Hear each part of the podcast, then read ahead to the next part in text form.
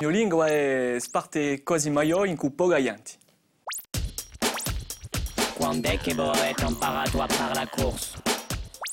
Uh, ogni tanto che, che prova a francarmi di, uh, di ha paura di parlare urso, ma l'ho mica veramente imparato, l'ho sempre inteso in casa, in da mia famiglia o in da musica. Tutto il mondo in casa si parlava in corsa, ma in corso, ma mica veramente in noi i porfioli e i violi.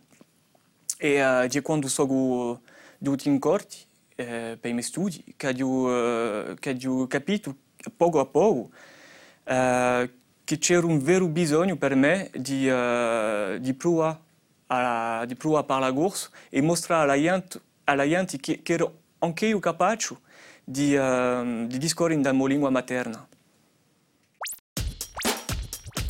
Quando la dublate a lingua corsa?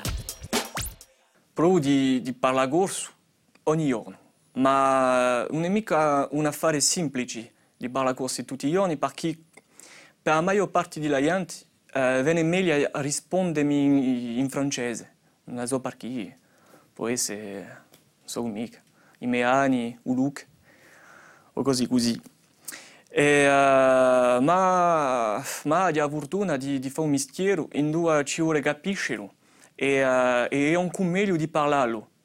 Tanto, uh, tanto uh, ho praticato un po' tutti i giorni e uh, arricchisco il mio vocabolario. Chi rappresenta per voi la lingua corsa? Per me la lingua corsa eh, è una maniera di acquistare una piazza in della cultura, un'identità forte e uh, di sparte la volontà di uh, far crescere questa società che tanto, tanto, tanto cara. Come dite la bene di la lingua corsa? È assai difficile di vedere ciò che la si può diventare faccio parte di gente che non vuole mica vedere spariscere.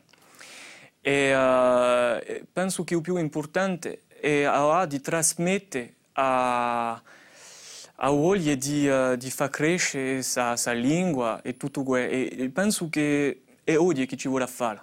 Lascio volentieri la vena ai due nagioli.